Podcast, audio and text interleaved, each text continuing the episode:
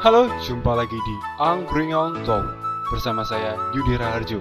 Di season ketiga podcast obrolan ala angkringan ini, kita akan membicarakan banyak hal, mulai dari karir, motivasi, percintaan, film, konspirasi, science fiction, oh apa lagi ya?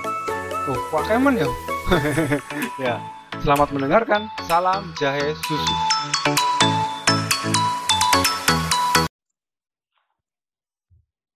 Halo, jumpa lagi di Angrial Talk episode 95 kalau nggak salah.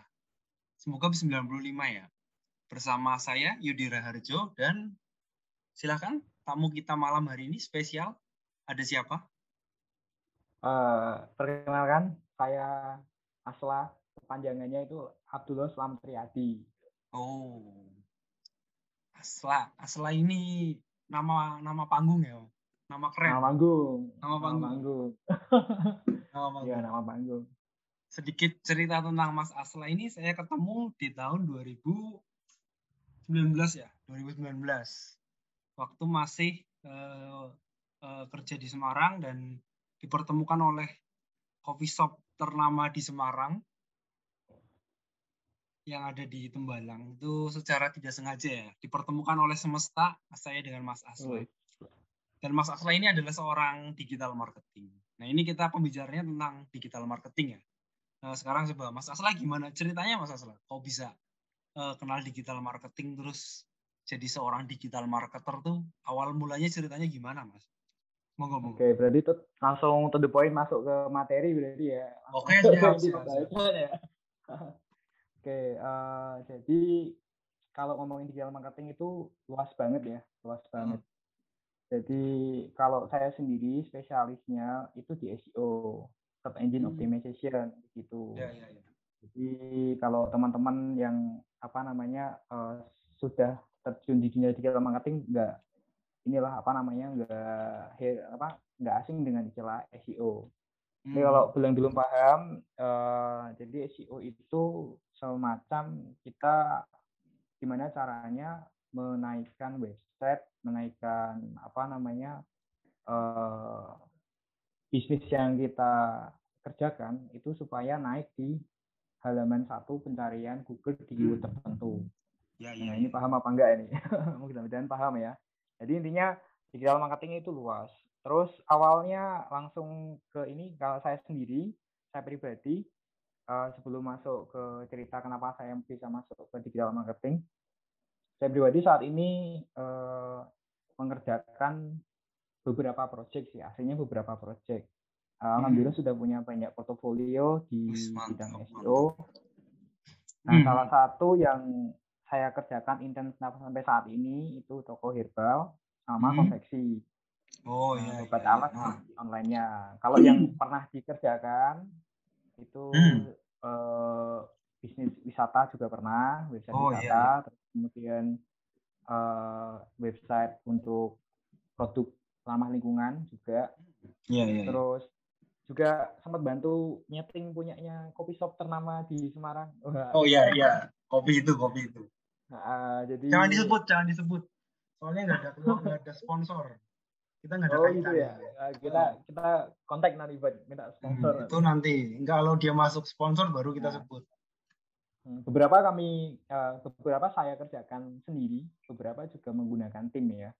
Jadi hmm. kalau uh, sendiri itu bisa bisa insya Allah bisa cuman untuk waktu membuat apa lumayan butuh waktu yang uh, tidak sebentar gitu kan berproses hmm. kan SEO itu kan nggak instan jadi ada proses tahapan yang harus dilalui terus kemudian yeah. untuk meraih target yaitu di halaman satu pencarian Google itu hmm. Nah, paling kalau misal kayak toko herbal ini dari awal eh, itu babat alas ya, dari awal bangun itu apa namanya eh, saya yang develop dari nol, oh. dari nol hingga sampai saat ini. Alhamdulillah. Babat alas berarti mas. Itu aja babat alas. Iya, babat alas. Iya, babat alas selain. Oh. Nah, kalau misal kayak contoh beberapa kayak uh, apa website wisata itu kita ada tim. Jadi hmm. hmm. uh, saya yang punya konsepnya kita beli flash domain terus uh, uh, ada mahasiswa magang yang kemudian mengerjakan ada beberapa orang dari beberapa mahasiswa dari Polines sama Udinus yang Hmm. kebetulan magang di biro wisata tersebut. Nah, kita kerjakan bareng-bareng dengan konsep yang sudah di apa disepakati di awal gitu. Nah, termasuk eh, kopi ternama itu yang apa lumayan websitenya wus ya. nah itu kan saya se- sebenarnya udah udah anu tuh, udah hampir apa namanya websitenya kan udah mau dikatakan eh, dikatakan inilah eh, off ya. Off lah. Oh, saya iya.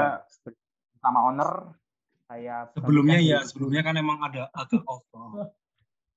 Ya, pertama kan eh, dulu hanya sekedar fungsi cuman eh, rata-rata website dan rata-rata website yang dimiliki oleh institusi itu masih berfokus eh, sebagai company profile. Ah, Padahal iya ada iya iya. Ah. sisi potensi lain yang bisa dikembangkan dari website tersebut, yang bisa dimaksimalkan sebagai bahan promosi bahkan bisa gratis Hmm. gitu kan.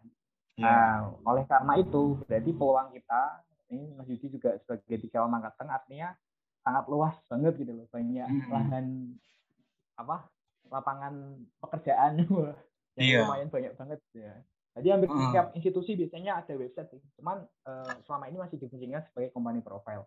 Nah, kembali ke coffee shop tadi, eh, sebelumnya digunakan untuk company profile aja. eh, apa namanya? Nah, terus kemudian udah selesai ya langganannya, terus kemudian mati gitu kan. Uh, Hmm, websitenya iya. nggak bisa diakses gitu kan. Akhirnya di tepat di malam malam takbiran gitu, malam takbiran. Malam takbiran start yang iya. kita kerjakan. Eh, Hmm.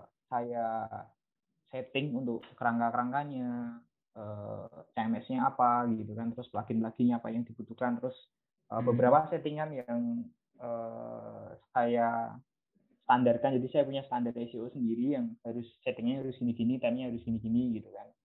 Nah, Hmm. terus kemudian digaraplah oleh si owner untuk produknya, kemudian diperbantukanlah akhirnya masuk tim baru yang lumayan powerful untuk menaikkan ranking Mas Yudi Kado atau Uncle Joe.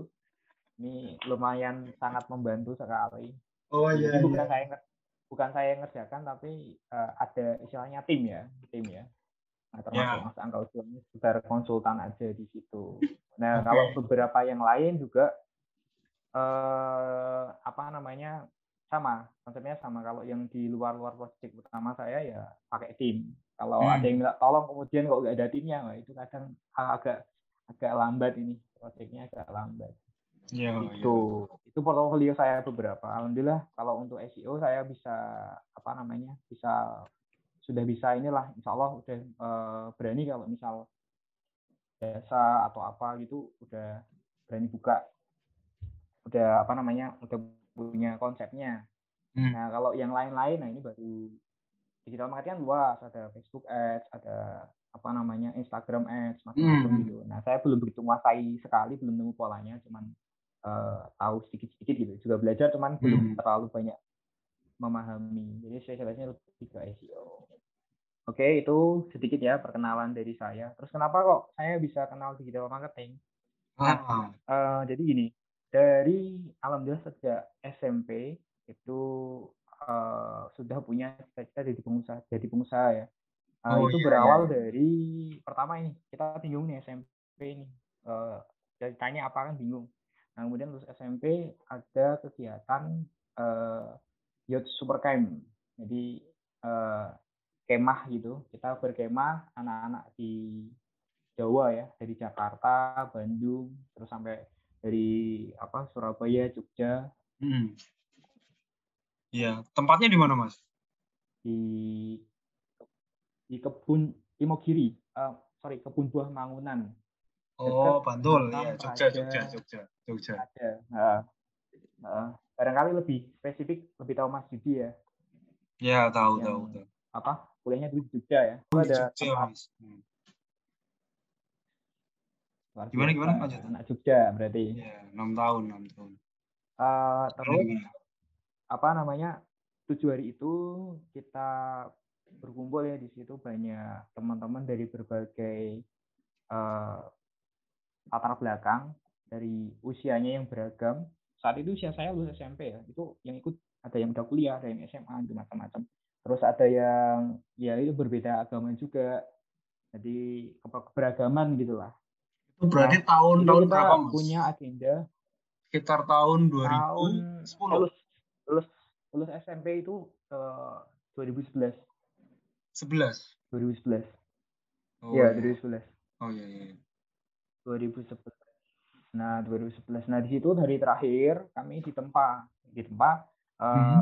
di dipicu untuk me, apa namanya memutuskan eh, ke depan mau jadi apa ceritanya gitu kan Nah, Hmm. teman-teman kan beragam gitu kan dengan segala inilah apa namanya ya namanya banyak orang berbeda gitu kan kadang kan ada Hmm. konflik-konflik tertentu kan juga ada konflik yang menyenangkan sih menyenangkan iya, bukan hal yang apa bukan yang trauma untuk dikenang tapi untuk hal yang menyenangkan gitu Hmm. nah eh, salah satu kemudian di situ ada mentor yang menginspirasi saya untuk kemudian memilih menjadi pengusaha nah salah satu hal yang disampaikan itu tentang filosofi elang elang pernah dengar mas filosofi elang mas Coba-coba gimana? Soalnya ada beberapa versi beda-beda soalnya. Gimana? oh iya iya Yang Mas Asla gimana? Saya- Gimana gimana? Nah intinya intinya elang itu kan untuk mencapai eh, jadi di usia tertentu kan dia apa namanya eh si elang sendiri ketika mau terbang kan si induknya ini kan anaknya dilempar ke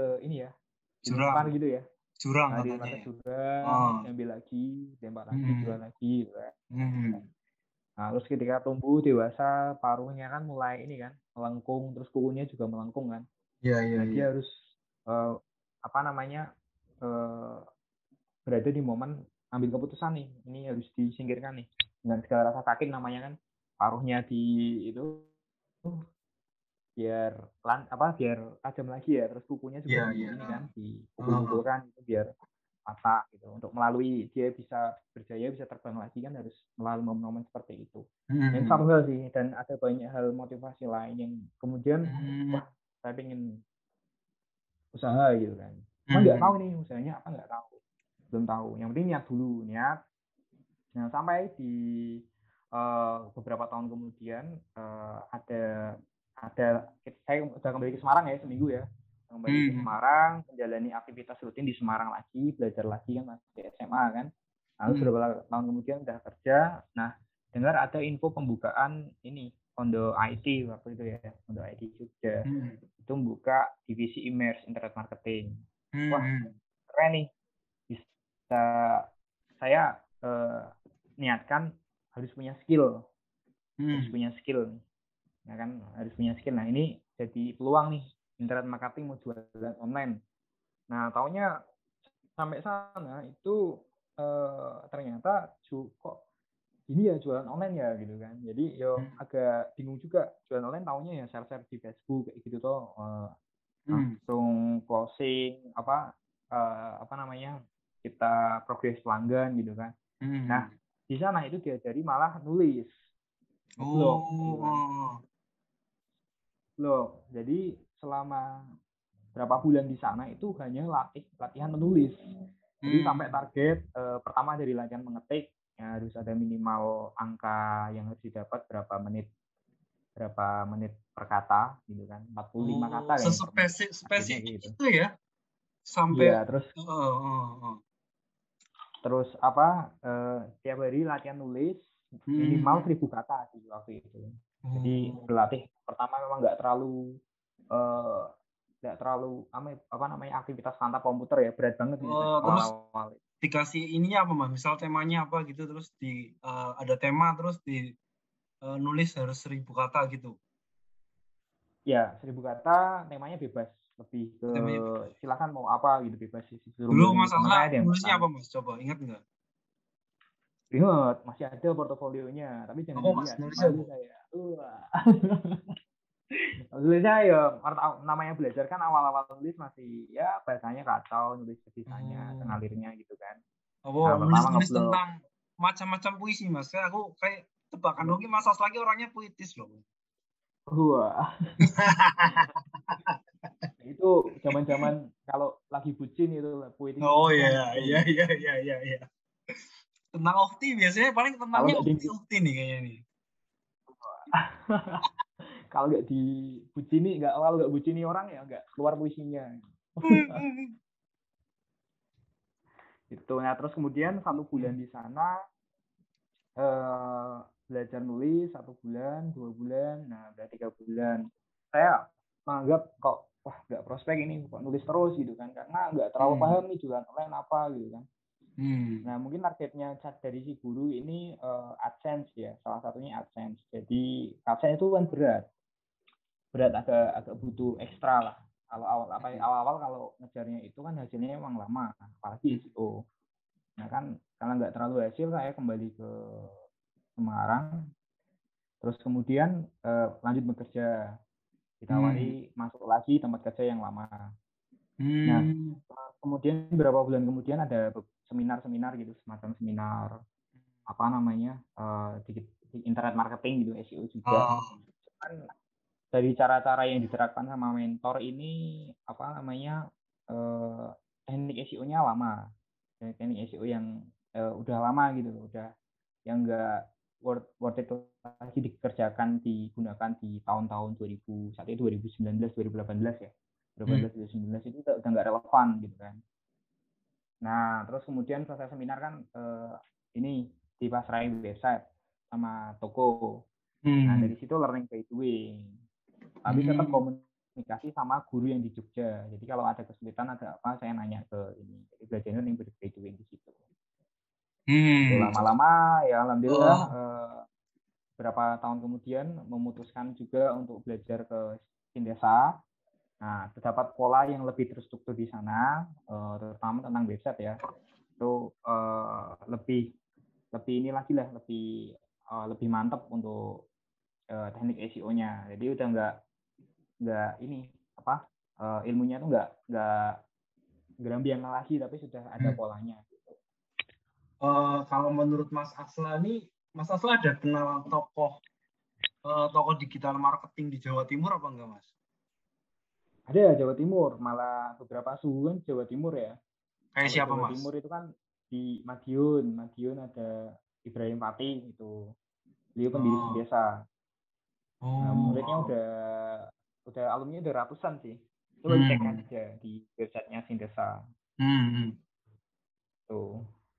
Itu coba kalau dari Surabaya ada nggak Mas Asla yang kenal? Kalau Surabaya kayaknya ada sih, cuman aku ini nggak terlalu spesifik kalau Surabaya. Surabaya Kalau nggak terlalu spesifik. kan eh, hitungannya kan eh aku tuh kan investornya dari orang tokoh Nahdlatul Ulama ya Surabaya. Ah, nah, Kan dia punya Ulama. ini juga apa? Dia tuh eh, selain investor di perusahaanku yang bergerak di mikroalga, ada lagi perusahaan pendampingan eh, layanan digital untuk spesialis untuk UMKM dan apa sih pokoknya usaha-usaha lain lah. Itu tuh nama perusahaannya Digipreneur. Pernah dengar Mas? belum belum Hmm, belum baru ini denger. Terus orangnya tuh Iya. yang sering ke situ tuh eh, ada dua. Gus siapa ya? Gus Hamid sama Gus Rizal. Hmm, ya ya ya ya. Apakah pernah Dari dengar? Berarti ya. Gimana? Internet marketing M inter kalau NU kan punya komunitas digital marketing sendiri namanya IMNU. Pernah denger nggak? Loh itu malah nggak tahu. Pokoknya tempat kita tuh Loh, namanya Nubu. Nah sekarang tuh sering Iya. ini apa? Sering ngisi-ngisi pendampingan untuk UMKM. Jadi program untuk SMK. Aku juga kerja. Aku udah barengan Hmm. sama anak-anak magang. Aku sering dibantuin anak-anak magang dari SMK. Oh, Mereka gitu. juga dibikinnya gitu, Oh, suruh iya, bikin iya, iya. landing page, suruh bikin video Ah. company profile. Tapi CEO Oh, tuh kayaknya malah kurang. magang ya? CEO malah kurang. Mereka belum dipercaya buat bikin nulis-nulis artikel tuh kayaknya masih belum. Soalnya masih harus bimbingannya harus lama sih kalau gitu kan. Oh. Buat nulis si Sorry. apa CEO kayak gitu kan susah kan ya. SI S- SEO ya, bukan CEO ya. SEO, iya SEO. Ya, kaget aku. CEO, wah ini nanti Oh, CEO. sama CEO. Sering-sering ketipu, sering keselimpet ya. SEO, heeh. Eh, SEO harus Iya. jelas. Oke, oke. Berarti nganu, kalau untuk ya aslinya anu sih, eh, tergantung niatnya sih. Kalau Hmm. aku sendiri biasanya dari ngajari teman-teman itu punya, punya pasukan anak magang nih, ya develop dari nol, dari nol ah, tak jelasin. eh, ini sharing buat pembelajarannya ya, tak jelasin dari A sampai Z biasanya. Konsep-konsep utama di SEO apa aja, Terus kemudian Hmm. tak suruh bikin mind map.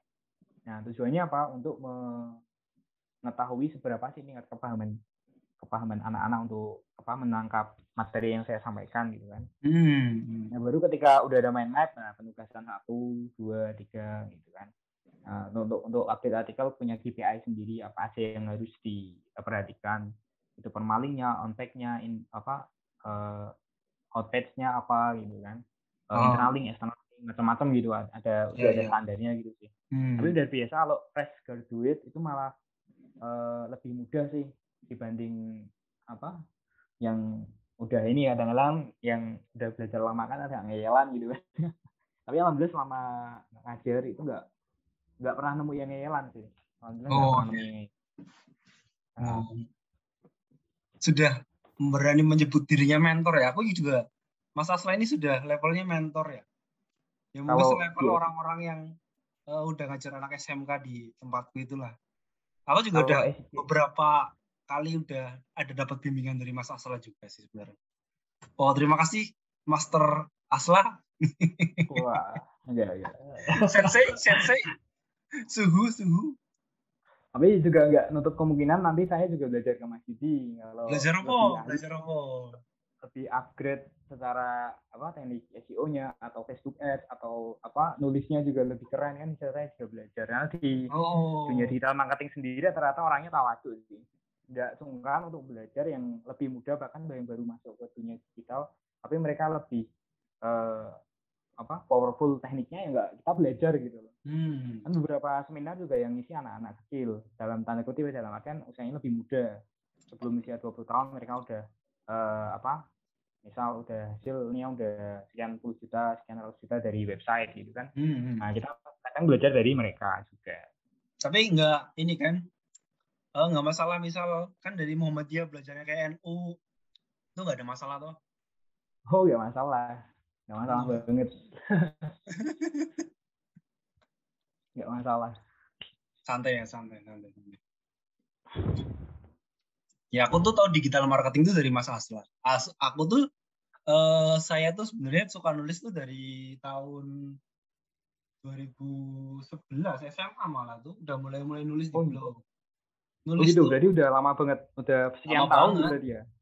lama banget dulu tuh nulis cuma kayak nulis buku harian mas nulis ala ala Hmm. ceritanya Raditya Dika gitulah aku tuh dulu eh, saya tuh dulu keinspirasi banget sama Raditya Dika tulisannya ya ala ala Oh, itu bisa. tulisan, tulisan kocak Eh, pengalaman jalan bareng sama cewek pengalaman eh, ngedate sama cewek apa eh, diputusin cewek terus gagal deketin cewek itu pengalamannya seputar seputar itu tulisannya konyol konyol banget lah pokoknya sampai aku pernah aku baca lagi tuh aku malu sendiri aku tuh nulis nggak jelas banget dulu ya Se- Tapi mas, masih ada nggak tulisannya aku yang hapus dulu? aku hapus mas Wah, eman-eman itu. Sayang sekali. aku malunya aku tuh aku hapus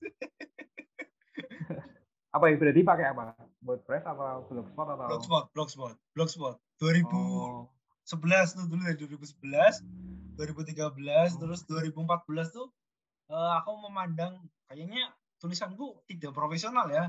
Aku mulai ber- nul- apa mulai berubah tulisan. Dulu tuh ada blogger namanya Alit Susanto. Aku pernah ke seminarnya. Dia tuh nulis tuh kayak nulis cerita. Jadi tuh runut. Aku mulai mulai belajar nulis nulis itu runut. Jadi kejadian apa tuh aku tambahin. Tambahin ada cerita. Dilebay-lebayin terus ditambah-tambah lah. Kalimat pertama tuh harus eh, kata-kata yang memancing pembaca. Terus akhirnya lumayan lah pembacaku lumayan lumayan. Terus kan aku gabung komunitas juga. Komunitas blogger dulu. Komunitas apa nih? Oh, blogger. Eh, dulu saring ininya Facebook. Sampai tahun sekitar 2014 sampai 2017 lah masih masih banyak yang aktif. Habis itu udah terus aku pindah ke Kompasiana. Oh, aku kayaknya lebih keren nulis nulis konten-konten opini deh. Kayaknya lebih dewasa lagi kan. Aku masih kemarin-kemarin aku merasa bocah banget kan. Ini kayaknya lebih dewasa di Kompasiana. Lah itu dari sam- dari situ sampai sekarang lah aku rutinnya di Kompasiana sama website kopi eh, Tembalang itu. Oh, eh, kopi shop Tembalang ya. kopi shop Tembalang. Iya. Tadi sempat terputus loh mas suaranya Mas Yudi. Nggak tahu nanti di rekaman ada apa enggak nanti coba dicek. oh iya iya iya. Kayaknya sih ada kayaknya ada Eh, ini kaitannya tadi maksudnya eh, eh, dari Muhammadiyah ke NU maksudnya gimana tadi mas? Perlu diperjelas ini mas. Ya maksudnya kan kadang ada beberapa yang tidak sejalan. Karena nih aku kan basicku kan yang di tempat kerja sekarang kan NU NU banget toh. Yang misal Oh, Mas maksudnya Asla, saya gimana? aku ngajari ngajari eh, orang-orang di NU gitu maksudnya atau gimana? Oh, apa Mas Asla pernah Oh. berguru sama orang NU tuh pernah apa enggak? Oh, ini agak mengejutkan kayaknya. Saya pribadi, base, basicnya itu malah NU mas. Oh gitu. Oh. NU, secara pemahaman NU. Hmm. Untuk eh, secara apa namanya eh, untuk akidahnya itu akidah sama fikihnya itu NU. Cuma kadang dimix sama Salafi. Oh gitu. ya kan karena dulu belajarnya kalau awal-awal serius belajar agama itu kan di Salafi, tapi sekarang lebih ke arah NU gitu. Wah ini disensor ini. Padahal Kan ini sering- ini. nongkrongnya di ini apa Dewan Dakwah Muhammadiyah. Aku kira Mas Asla tuh Muhammadiyah loh. Aku sih Iya, aku juga aku sih ikut eh, mana aja Mas aku. terbuka kalau aku terbuka sih Aku juga. terbuka dalam artian Oh, di iya. situ kan kita berkaya kita berbuat baik dan nggak ada masalah dengan Muhammadiyah nggak mereka juga nggak nganu kok nggak nggak taasub kalau Muhammadiyah kan nggak ini nggak fanatik gitu loh Ya ya. fanatik kelompok dan lebih ini sih kita kan niatnya apa ya kembali Hmm. ke situ yang penting kita bisa berkarya bermanfaat ya nggak apa-apa gitu Ya ya. Mantap. Jadi mainnya ke mana-mana sih kadang ke NU, kadang ke situ. IMNU juga gabung, IMNU Semarang. Jadi ada komunitas IMNU. Eh, Hmm. saya juga anggotanya di grup IMNU, Hmm. cuman jarang jarang ini jarang muncul aja sih pas kopdar karena kan pandemi ya. Jadi emang nggak Ya, ada ya. kopdar, pengennya ketemu teman-teman, cuma belum ketemu teman-teman yang IMNU itu. Iya iya. Jadi Petualangannya luar biasa ya Mas Asla ini jaringannya luas nih aku percaya nih. Pantesan kenalan ukti-uktinya tuh banyak ya Mas. Ukti terus sih ya. Jadi di, jadi tawari bos kopi Ukti apa belum ini? Kemarin. Belum, belum, belum, Oh belum. belum. Oh, Masih iya, iya. ya dia masih sibuk sama ininya lah. Kan masih pengantin baru Iya. lagi. Anget-angetnya. Oh, barangkali Mas Asla ada rekomendasi nggak apa-apa sih ke aku? Wah mantap. Oh, ini mantap. ini ini off aja. Ini malah direkam ke ketahuan publik. ini nanti dipotong mas. Oke, lah. Ini udah ke mana-mana nih udah dua, lebih dari 20 menit juga. Jadi Oh, Mas gitu. Asla ini untuk apa eh, proses digital marketingnya udah lama banget berarti ya Mas. Berarti dari tahun Iya. 2011 11 sudah punya kepenginan untuk jadi pengusaha. Tapi untuk Kalau mulai lama menekuni lama digital gimana? oke gimana? Kalau mulai eh, belajar CEO tuh berarti dari tahun berapa persisnya? Kalau dibilang lama apa enggak itu tergantung sih tergantung. Hmm. Jadi gini eh ini cerita ini ini kayaknya lebih terus struktur sekarang ini ceritanya dibanding yang tadi sebelumnya agak ke mana-mana kan. Ah, dulu itu di apa waktu saya SMA kelas 2 SMA kelas 2 itu kan nyambi kerja ya nyambi kerja hmm. kan dapat bayaran nah, punya guru Ya. juga dulu di pondok kan nah saya Hmm. pinjem uang buat usaha aku nggak nggak tahu dia pengen jadi pengusaha cuman nggak tahu pengusaha apa Hmm. waktu itu belum terlalu eh, hits digital marketing kan Nah, Iya, iya, iya. nyari usaha kaos dakwah waktu itu Hmm. masih ingat banget dulu ngambilnya di Mas Rendra Rendra orang Jogja sekarang jadi Mas Tafes US yang nggak salah ngisi pembicara di apa beberapa tempat Mas Tafes US nah, Hmm. kaos dakwah kaos dakwah dulu pula kaos Saya- saya- dakwah saya- 500 Aku malah taunya bukan kaos dakwah. Apa? Distro dakwah apa ya? nah distro ya itu pokoknya distro dakwah apa. Pokoknya aku punya masih website itu masih ada sih kalau mau dicek. Aku Hmm. udah bikin dari kelas SMA itu dulu aku udah bikin eh, website dulu tapi pakai blogspot. Hmm. SMA Eh, itu namanya eh, KPK kaos dakwah atau blogspot.com nggak salah. Dilihat aja. Itu itu karya aku dulu. Tapi nggak laku mas nggak Hmm. laku ada yang beli nggak ya aku lupa pokoknya mungkin ada yang beli satu mungkin ya yang Hmm. lain tak kasih orang karena nggak laku jadi eh, main website join website tapi nggak tahu nih kok nggak ada pengunjung. Nah ternyata setelah sekian tahun berlalu, oh ternyata ada ilmu namanya SEO, search engine search engine optimization. Hmm. Jadi ngoptimasi website kita supaya ada pengunjung yang membeli, nggak yang ujung-ujungan toh, tapi juga melakukan pembelian. Oh ini caranya toh, nah, gitu. Jadi hmm. uh, sejak SMA aslinya udah punya ini sih digital marketing jalan cuman nggak terlalu mudeng ini apa sih kan nggak nggak terlalu paham nah, pahamnya baru tahun-tahun 2000 awal tahun 2018 kayaknya. Nah, cuman tiap hari pegangannya itu terus. Hmm. Jadi mungkin ada yang di kita marketing kan seminggu sekali atau apa lah, tapi aku tiap hari. Nah, website terus, website terus, nah baru ketemu polanya gitu. Makanya berani ngajarin orang, berani masang harga, berani uh, jalan proyek website tertentu kan karena itu yakin karena udah punya portfolio dan punya pola untuk websitenya. Dan punya sanat lah istilahnya punya uh, keguruannya jelas nih guru-guru saya ini guru saya ini aliran SEO-nya ini. Jadi kan hmm. adalah aliran SEO satu dengan SEO yang lainnya beda. Itu hmm.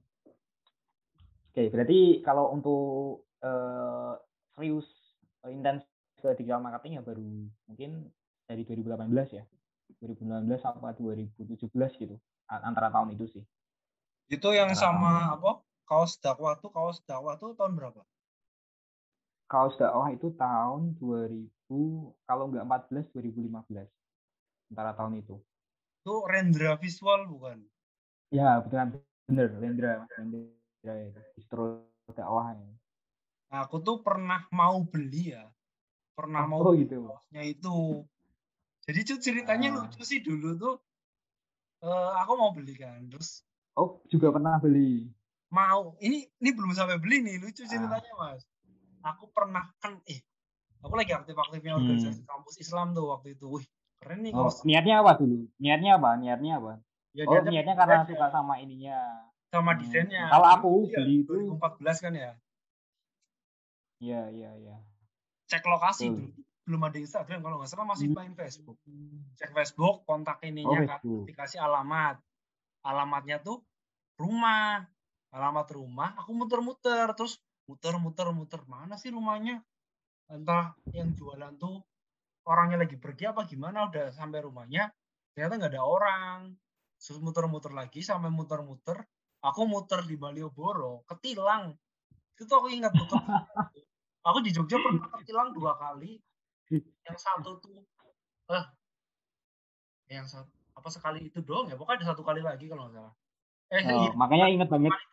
satu kali STNK aku STNK aku jatuh di kosan. Yang kedua yang kedua hmm. ini yang ini aku nggak nge apa salah jalan salah jalan gara-gara nyari jalan itu ya muter-muter nyari ka, itu kaos dakwah itu.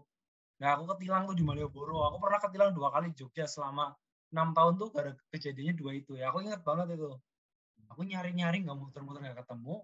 Ada lampu merah. Aku nggak nggak sama saking sebenarnya muter-muter nggak ketemu lampu merah aku nggak lihat. 12 aja eh depannya ada polisi. Langsung di stop terus ditilang. Hmm. itu kejadiannya itu tuh aku ingat tuh uh. makanya ingat banget sama kaosnya ya. Kaos itu. Ya. Mas apa? Mas apa ada kaitan sama kaos itu tuh Wah, nggak nyangka ternyata ada ininya ya, ada sambungannya ya. ya Kalau aku dulu beli niatnya itu untuk belajar jualan. Nah, hmm. akhirnya belajar bukan karena pengen menikmati kaosnya tapi oh. ini jualan sih. Ya, yeah. jualan karena dijanjikan ada grup rahasia gitu kan, ada uh, kasir. Ya, ya, ya, ya. Ternyata kita punya kaitan yang lain ya, Mas.